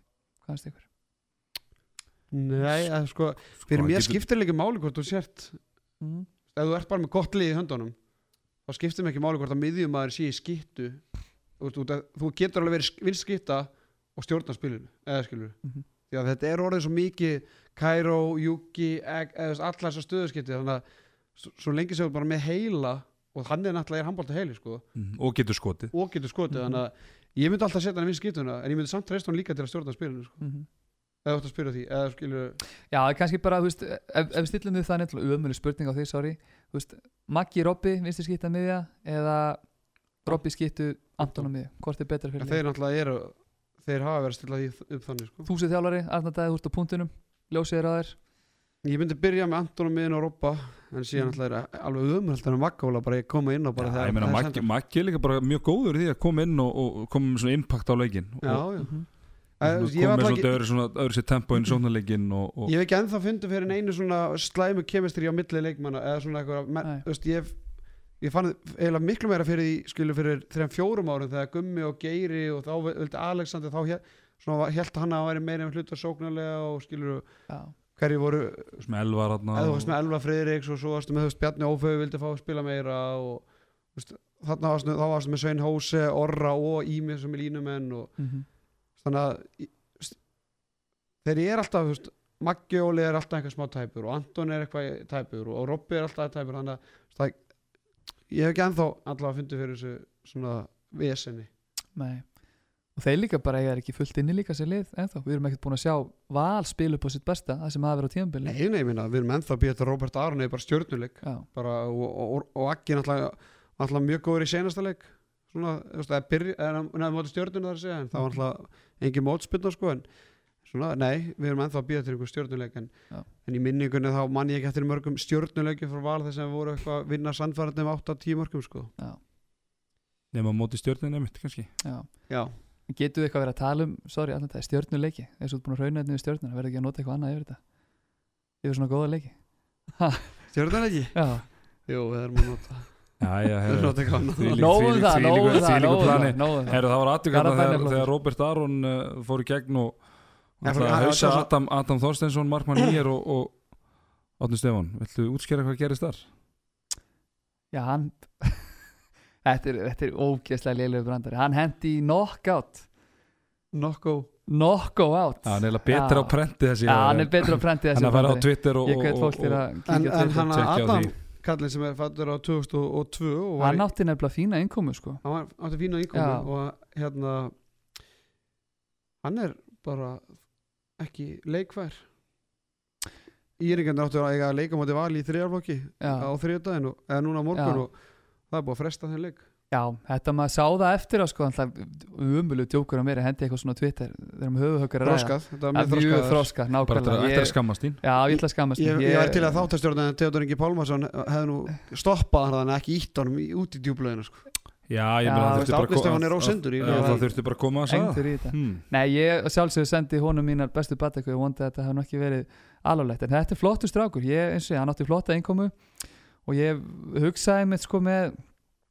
liðið svo í er veist, þegar Kristófin hún til dæmis núna virðist vera hann leikfar og komið tilbaka hann ekki bara kannski hugaði að fara þangað, þú veist, ég veit hann þekkir eitthvað til hann en þeir virðast bara hafa trú á þessu strák og, og er, eru vonandi bara að vinna vel með hann, því að hann er hvað árgerið hann særi, andaði hann er 2002 og 2002. Bjarni hefði það mikla trú á hann hafa með þess að vara hann frá 98 árangsleginu í sumar sko. Þetta er sákur, Þetta er auðvitað, þetta er sákur, auðvitað Já, hann að ég segi, hann vondi bara að hann veri komin aftur tilbaka sér fyrst. En, en við rættum líka í, í gær aðeins hérna, um mark, markverðastöðunni hjá Val. Mhm. að, hérna, að Daniel Freyr frekk trausti alla leikið þrátt fyrir að vera ekki minnum að þrjá varða bolta í, í hálfleiknum og tölum um það hérna á, einmitt í framleiknum, fyrstu umferðinni.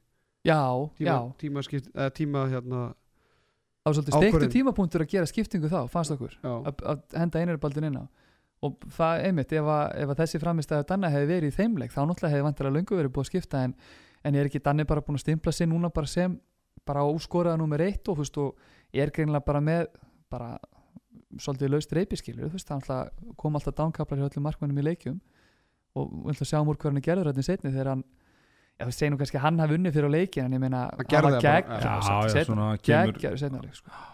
Hann svona, þegar þið er að byggja upp fórskoti þá er hann gjössanlega geggjaður. Og vonandi líka er bara Danni að rökva núna í gang af því að þú veist, við höfum ekkert séð af Danna eins og Danna og Assir að vera. Það sem að vera á þessu mótaninu viti. Nei, nei, þetta er svona hans langt Ein, besta einu, Já, ég- einu Íslandingarnir sem hafa séð Danna spila síðustu ár það er F-haugundar á Twitter sem hafa verið að kalla hann í landslið bara já, ár eftir ár. Já. Það heyrist nú ekki mikið í þeim núna Nei, það er ekki búið að gera það kannski að því hann er í val Já, núna já, sko. ég hann, Nei, tjók Hann, þú veist, já, ég, á ég að sjálfur sanna. hefði vilja sjá hann alltaf var ekkit einhverju frábærliðarni Svíþjóð en, þú veist, var alltaf að verja velsamt inn á milli en ég, jú, ég tökum stöðun á hann um áramótin, hvað landslið var þar Mhm. sjáum aðeins hvað hann gerir Algjörlega, herru, það voru tvölið sem að voru að spila í Európa-kennum helgina þar sem að hérna IPVAF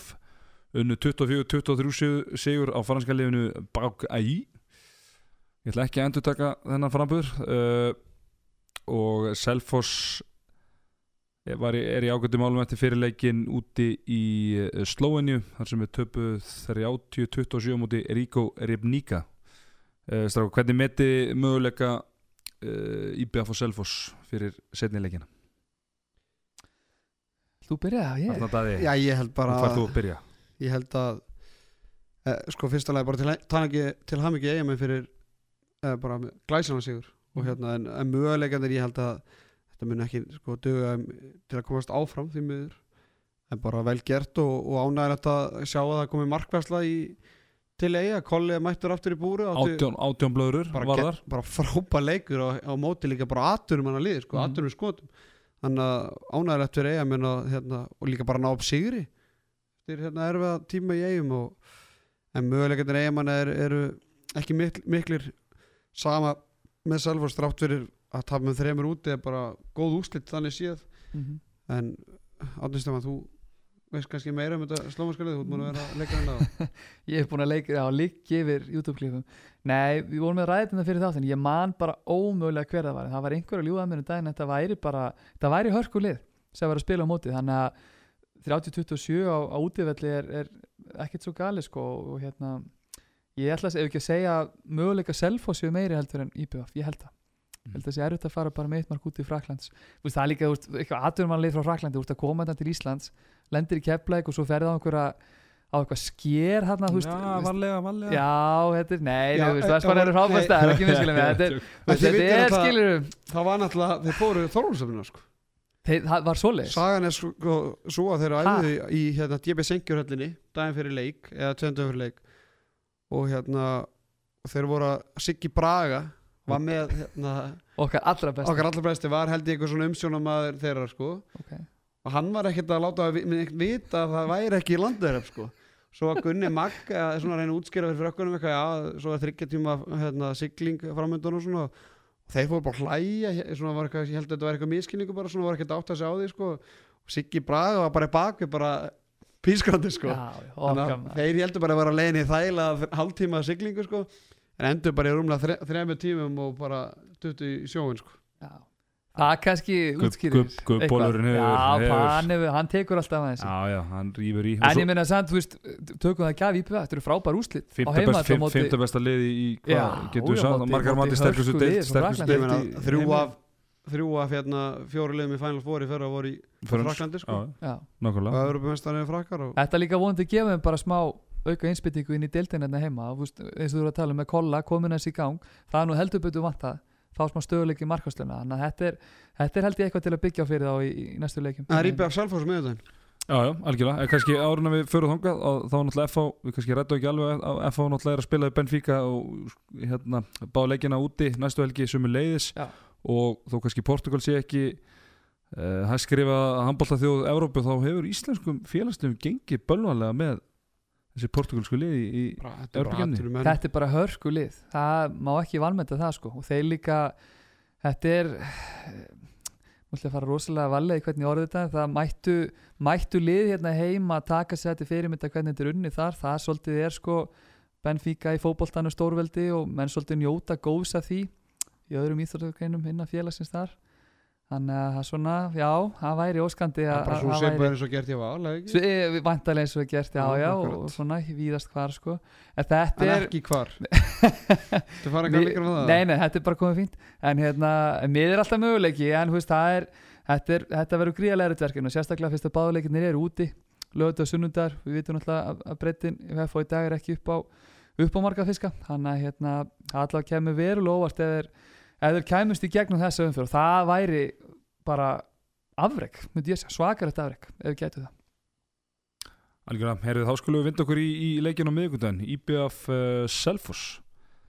Já, það er loka leikurinn í og Stöðlendur á, bet, á, á Kúlbett Kúlbett og samkvæmt því þá eru selfisingarnir líklegri til að Já. klára þetta. Með 1,8 á móti 2,4 með IBF hvað, hvað munum við sjá í munum við ekki bara, við náttúrulega munum vantarlega fyrst og fremst sjá bara geggjan handbóltaleik en, svona uh, Arnardæði, hvað eru að fara að sjá þarna eru að fara að sjá selfisingarna uh, þeir hafa svona verið með ágætist tak á IBF eru að fara að sjá það að halda áfram fyrir mér snýst þetta eiginlega bara um hvort liðin er markvæslu sko. þetta er eh, Pavel á, móti Kolla sóknarlega er sér lið bara á svipuðu reiki og, og varnarlega einnig þannig að þú veist eh, að sexi stuðlar eiginlega bara á bæði lið sko. Mm.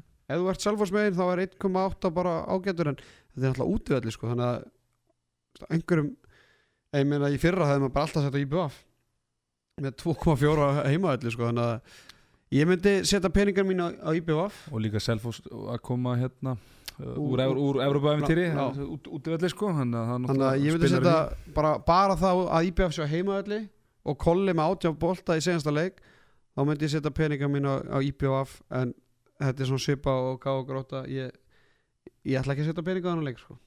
Nei, já, ég myndi allavega svona af, af eigin reynslu frá því fyrir að myndi ég setja á, á IBF þetta er, þetta er erfitt ferðalag eins og sem Selfoss hafa lendi þetta er hvað ekki Slóvenju en Selfoss var með þvílitt tak á eiginmennu fyrra sko. Já, en það er bara, þú veist, bara, bara út á þetta. Það er, þetta er, þetta er rosa líjandi að fara í svona törn þeir hafa vantilega þurft að taka einhver, einhver milliflug hér og þar og Það var, var, það var ekki leiguflug bara beint til Nei, til ég segi það sko. og já, eira bakka Það var Eyrarbakka. baka velli til og það er náttúrulega, það því, sko. situr í þetta er náttúrulega að vísu samt ungi strákar og allt það, þú veist, alltaf til í leiki, en hérna ég held að IBF hafi vinningin alltaf hvað þetta var þar á miðvikudaginn klukkan hvað er þetta, veitu það? þetta er 18.00 svo, er- svo þáttur í okkur á fimmtudaginn og förum við yfir þennan uppgjörstáttur, uppgjörstáttur um þennan leik og svo förum við yfir næstu umferð og hans yfir kannadeildinu og svona. Já, skemmtilegt. Þannig að það er nógum að vera sko út um allt. skemmt, til handbóltin, hann séur aldrei. Já, hann sefur aldrei sko. ah, Herðu strókari og við okkur aðeins í, í, í hérna, Ólistelt Kvenna, það var spilað þriðanfyrir var spilið um helgina og þar held áfram að vera nokkuð ofan tíðindi. Ef að byrja í kópóinum þar sem að, Ef ekki að byrja samt á Akkur við, við rættum það í senastu leik. Já já, voru, voru þetta búin að taka jú, getum, Já. aðeins, getum aðeins minnst IBF það. þannig átta marka sigur á Káa Þóri á Akureyri. Við hérna eigastelpunar tóku ágætis ferðalag þangað.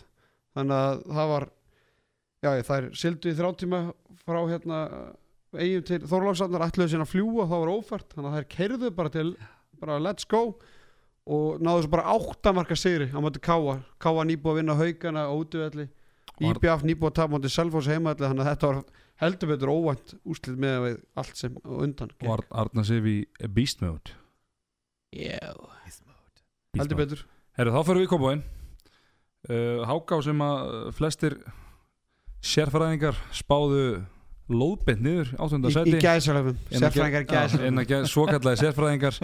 Uh, handkasti setti þær í sjönda sætið og þær eru skal ég segja ykkur í öðru sæti með fjögustík eftir sigur á Selfossi 27-25 virkilega velgert hjá Hákostelpum þar þar sem að Tinna Sól Björgustóttir var markaðist með 6 mörg og Diana Jómanorska með 5 og Elva Ænibjarnar með 5 sömu leiðis og hjá Selfossi var Perlarud Albertsdóttir með 8 mörg og Hrafnildur Hanna Þrastadóttir aðeins með 5 getur við sagt? Maður aldrei að Rafnildur Hanna geti skora fleiri mörg á móti í nýlögunum en það væri gaman að sjá núna eitthvað Facebook live vídeo frá Háka á stelpunum og hvort að Vilhelm Gauti Bergsjónsson þurfi ekki að fara að hlaupa ykkur hérna, hérna jójó hlaup í, í kórnum. Það voru duglegar, töluðan því uppveitunum þetta um að það voru duglegar að láta hlaupa í fyrra, það var allt tekið upp á Instagram eða Facebook live og hann hlýtur að hafa verið að tapa ykkur veðmáli þarna að vera búin innbyrða hvað mörg stík, fjögur fjögur, stiða 6 mögulegum Já, þetta er, og við erum að tala um sko sigur á móti já, þetta er sigur á móti Selfossi og, og IBF já. Já, ég verður ekki að rósa honum fyrir virkilega velinu störð það sem að ver það er svona já, kannski einmitt, einhver svona léttleiki bara yfir þessu, svona alltaf má nú ekki gleyma hver er þarna með hann á bekknum. Hafdi Seppa Guðarsdóttir, það er nú ekki smá smá kanuna algjörlega, algjörlega, algjörlega. Það er, er svo kallað legend Legend. Algjörlega, herðu, svo var Það stór eru í, sorry, ef við klárum þetta það eru, er það ekki bara í sko hvað, það eru í öðru sæti núna? Öðru er ekki? jú, jú, jú, algjörlega. stjörnunum næstu stjörnunni lið. næstu Já, það- það er skemmtilegt. Já, með að við alltaf úrslitum hessuna fyrir og Þú er 2,4 á hákvæði næsta leik. Er það er bara veginn ekki gefin, sko. 140% ávastun, takk fyrir túkall. Herðu, vindum okkur í Origo höllina þar sem að framsónda maðurinn Hárprúði Ágúst Jóhansson náði að smíða saman alvöru framstöð hjá sínu stelpum 27-20 sigur í stórleikumferðinar á móti haugum þar sem að eh, Morgan Mari og Lovisa Tomsson voru markaðastar með 6 mörg og hjá haugunum Karin Helga Díunudóttir með 6 mörg uh, Íris Björk frábæri í markinu hjá, hjá val, valstelbunum og bara nokkuð samfærandi sigur hjá ég var, varst ekki að vera að spyrja með því eða? Jú, en þú samfærði sigur og, og, og kannski bara svona ágætti svar eftir, eftir hérna á vombrið að tapja mútið fram í síðan Já, því, því, miður, var nú bara, held ég bara alltaf langur tími á milli. Ég held að fólk hafa bara búið að gleyma þessu þannig síðan. En haukastelpunar með eitt sigur í fyrstu þrejum leikjunum og, og tap gegn, gegn Val og Káða Þóri í síðustu tveimur leikjum það er svona, það er smá brekka. Eilíða sem á, þetta er svona annað, annað sekund syndrom Já, þetta er ákvað ágjörni svaka flugum á því fyrra á frábært fyrsta tíma fyrir hans til þjálfara. En það er verið heldur betur að fara að spýta í lóna það er ljóst. Maggi Sigmund, hann, hann rettar þessu. Já, Maria Inesta Silva Pereira, Pereira. heldur betur að, að rífa sig upp núna, hún var alveg reyn hörmung í Óríkahöllinni í, í gær. Algjörlega, En Hamborgarna var góður, Já, já, hann klikkar aldrei. Og fjósið. Fjósið kaldur stóður sínu Herðu, svo er það ótrúlust Það var þetta smá málsögum eftir. Já, þetta sem þú ert að fara að kynna, sorry. Já, Ég ætla já. svona að vera með smá Já, bild upp já, sko. Ég skal bara Það fór fram leikur í mýrinni Stjarnan fram.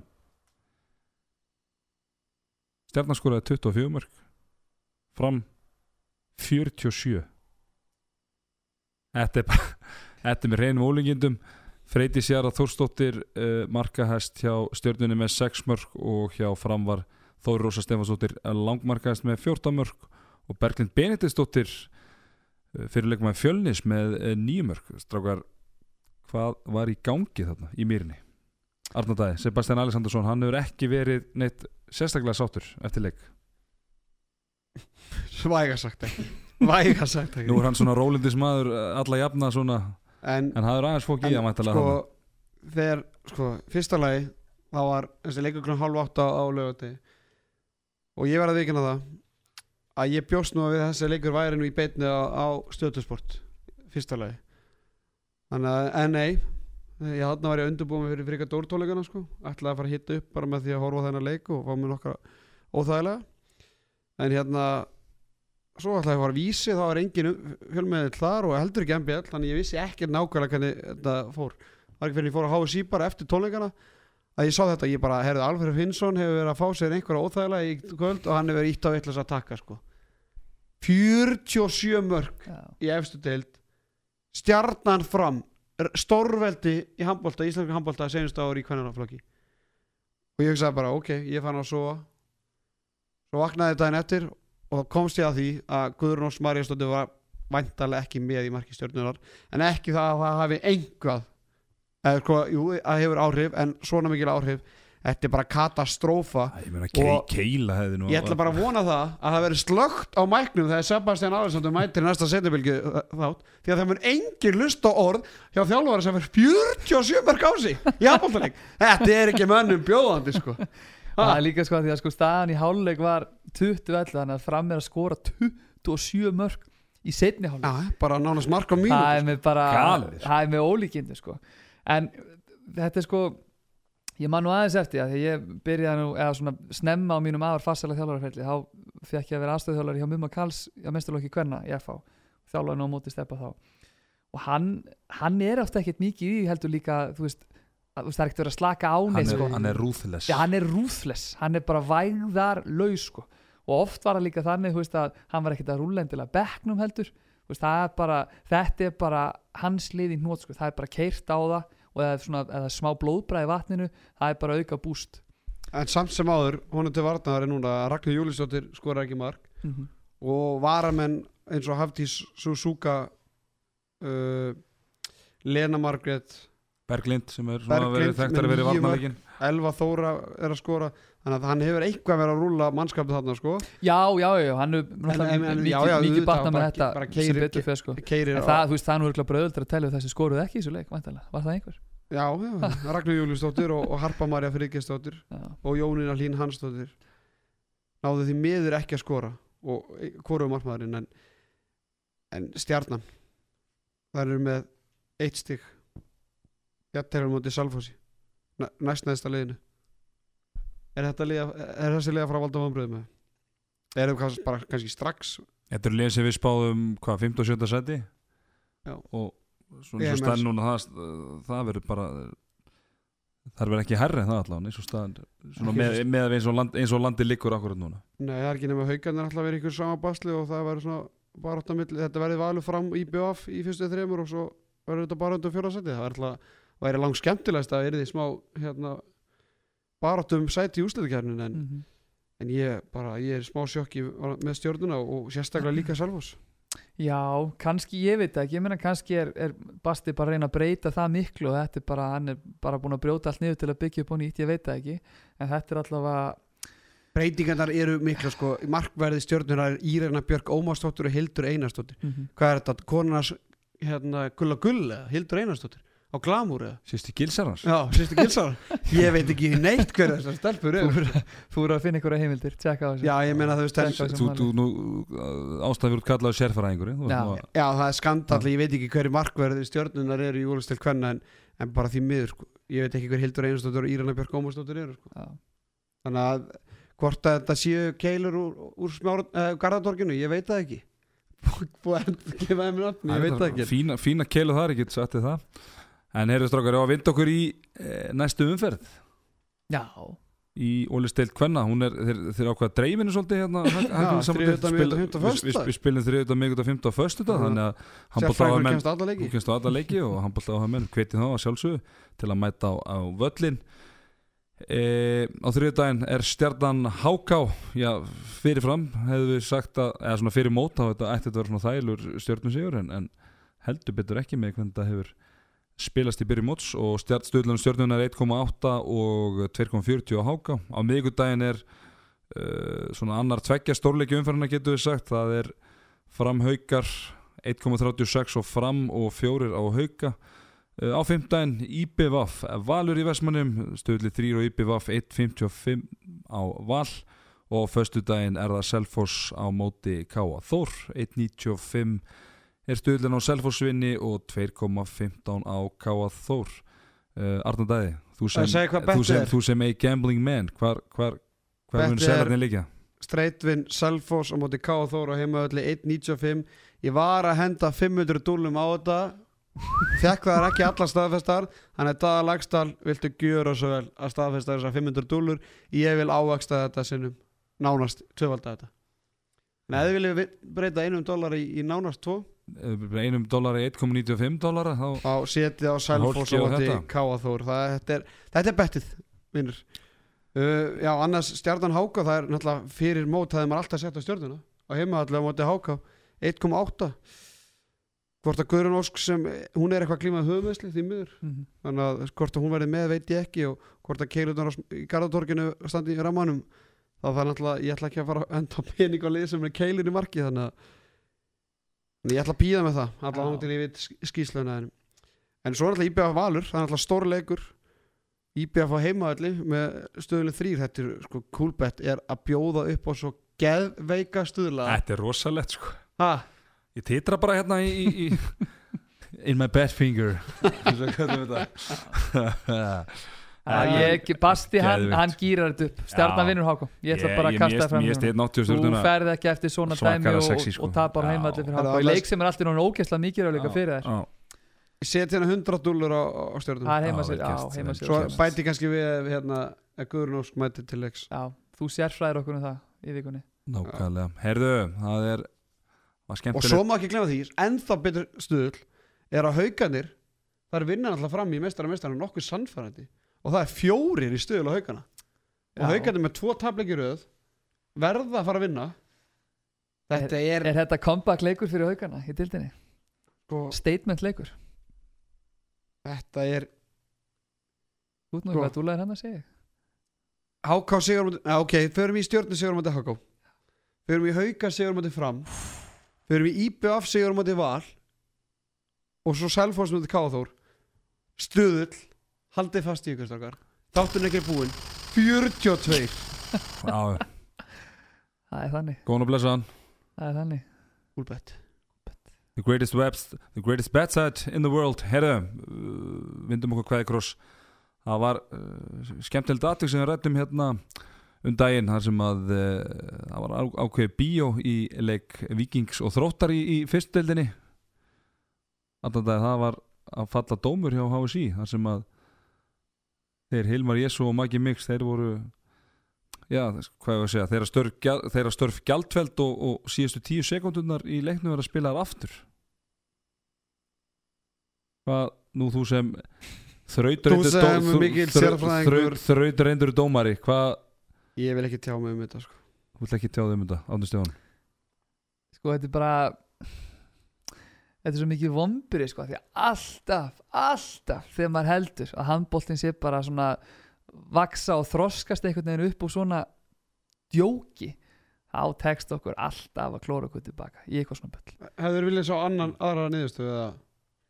Sko úr því sem komið er þá náttúrulega samkvæmt öllum laga bókstæðum og bla bla bla held ég að þú veist, að sé svo, alveg, svo sem eðlilegast að gera þetta svona. Þetta er náttúrulega mistökin voruð það aftrjárík en þetta er bara svo þetta er svo pínlegt fyrir allt og alla veist, og þetta er leiðilegt að vera að bera okkur saman einhverja aðra íþjóttur og allt það en eftir samt þetta dæmaðan í fótboltanum veist, þá gæt maður loksis einhvern veginn, veist, ég ætla að fara bara í þennan gæja þá gæt maður loksis alltaf að benda hei, þetta gerist alveg allstað þú er, þú fórst í mjög uh, fræga vítakefni fyrir ég fór sálur vítakefni fyrir það, já, sætla minninga og þú veist, og segja, það var náttúrulega mikil umræði kringu það allt og alls konar bíó, við sjálfur kannski hefum átt að vita eitthvað betur með reglundar og bla bla bla, en þetta er bara, það er svo mikið alltaf, þú veist, það komið þessi atvik endalust í kringum þessa indislegu íþrótt okkar.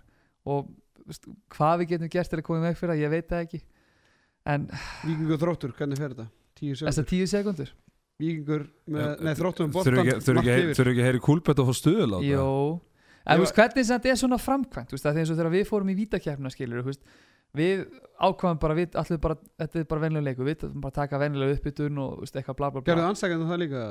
Þeir voru eitthvað voða fullir, voru bara einhverjum fótbolta, vildi ekki senda vítaskiptunar inn strax, þeir voru hafðirinn í klefa, þetta er eitthvað voða lindó, þetta voða grilladæmi alls sko, en alltaf menn til þess að mæta þarna og hita upp, veist, á selja á leikin, veist, Verður leikli verða verða að sjoppan opinn, hver á staðan á því eru sömu menn að dæma þú veist, sami Nei, þú veist hvað, Bara ekki Hilmar, no more Hilmar No more Hilmar Nei, menn eins og hjá okkur í vítakefni sko, þú veist, það, þetta var ekki svona í, sko, í sama íþróttahúsi þegar við spilum Í þetta alvörinni Já, já, þetta bara, allt öðru stað í borginni Þetta verður hérna í hérna, Þetta er, verður haldið í Östubæðaskóla Nýjustu tölur úr Östubæðaskóla. Er það löglega og kemnisöldur? Það farir við ekki, þetta er bara tíu Já, sekundur já. já, nákvæmlega. Bara maður mann, þetta er bara algjörlega. En er, já, þú veist, þið er Þetta verður áhugavert. Hann, hann kannski sendir fulltrú á völlin Ég mættur þarna. Ég meina Að það er ætlar, mun HSI tilkynna hvar leikurinn fæði fram? Ég er svolítið hrættur um það að þetta verður spila bara í svona æfingatíma hjá öðru hverju, veist, hjá Mm. Viking og það verði ekkert svona tilkynnt eitthvað mikið meira. Já, verður ekki svona formlegu leiktíma eitthvað svoleiðis. ég. Ég er að kíkja núna. Það stendur bara ennþá hafa enda 21-21 og bara, það er ekki eins og búið að cancela úrslitunum sko, það, er Við erum Það er að að sko- handbólta yfir okkur. Já, já, það ætti náttúrulega bara spilina leik bara, þú veist, klukkan 12 og aðfangandi eitthvað, bara sópa þessu beint undir teppið og láta ekki neitt mann frétta því. Hvernig þetta fer. Tónklúður, en svona er þetta. Rúna Kársson hóttið Arnar Dæði, það er komið að því. Rúna Kárasson hótti Hvað var okkar maður Rúna Kárasson að gera um helgina? Herðu, hann var að vinna handbóltarik Heldur betur. Og hann var að henda sér í lið umferðarinnar. Ekki fyrsta. Ekki annað. Heldur þriðja skiptið í vetur. Svo hún að ei Nú Það er- það unnu góðan segur á, á Kif Calling 24-20 okkar maður Rúna Kárasson með átta slumur. Virkilega vel gert Rúna Kárasson. Við þurfum eiginlega að fá spons á Rúna Kárasson Já, ég er ánægð með þetta hot. Fá spons og þ- að fá þemalag. Ég vil fá eitthvað svona er einhver- Teddy, við þurfum að fá- eitthvað svona intro Ég vil að. Rúnar sendi okkur tilur eitthvað svona hans Já. þetta er náttúrulega hans hot En hvað, hva, hverju fáið ég að sponsa þetta? Eitthvað svona gott, eitthvað svona er svo- Já, eitthvað fyrir hárið, hárvörur. Já, já. L'Oreal, L'Oreal við skoðum þetta En mikið rosalega gleðan með samt hvað hann er að standa sig vel. Já, ég meina, nú, Nú skilum maður líka af hverju hann, hann var að skjóta fjölmjöluna Ég meina, hann var, hann var ekki áskæftur sem hann hefði verið að drullu búið hnaka Nei, nei, auðvitað ekki. Mér finnst það samt bara að það komið fram. Mér finnst það geggi umræði hjá okkur í síðasta þætti um þess að fréttir af atvinnum fólkinu okkar í öllum veist, Þetta er bara erfiðar í dag utanum mynd allt. En nógum það, því rættu þetta síðast. Uh, Nú bara klæðum við puttana að fá sjá gæða með landsliðinu. Ó, ha Við þurfum að fá þetta Er formin á- en- vaknaður? en- En Rúnar lítur að fara að henda treyju í handkastið annað kemur verulega óvart. Er já, Rúnar Kárasson, ef þú ert að hlusta þá máttu endilega, bara þegar þú hlusta heyrir Sko- þetta þá máttu endilega senda okkur línu og, og, og, og gefa okkur treyju gefa. treyju, aðal og varabúning annað væri galið Vá. ég ætla bara að hendur sér fram með að við sko, hvað þið eru að standa ykkur í umfjöllunum um hann, annað væri galið Algjörlega, algjörlega Herðu, Rúnars Kárassonar hotni, það er, því er lokið í þessu þætti og þættinu sem er leiðis Já, við veljum Já. kúlbett leikmann umfæran eftir næsta leik eftir næsta leik, nákvæmlega, nákvæmlega. við leifum eh, leik IBF og Selfoss og Mikudana klárast og veljum svo coolbet leikmann umferðarnar eh, Átni Stefán Arnardæði, bara takk hjá fyrir að vera hérna með mér í eh, kvöld Þó nú væri, takk sem leiðis og eh, hann kannski bara þakka fyrir sig. Og við verðum hérna aftur á fimmtudaginn. Verið þið sæl. Arnar Daði og Teddy Ponsa með þér í handkastinu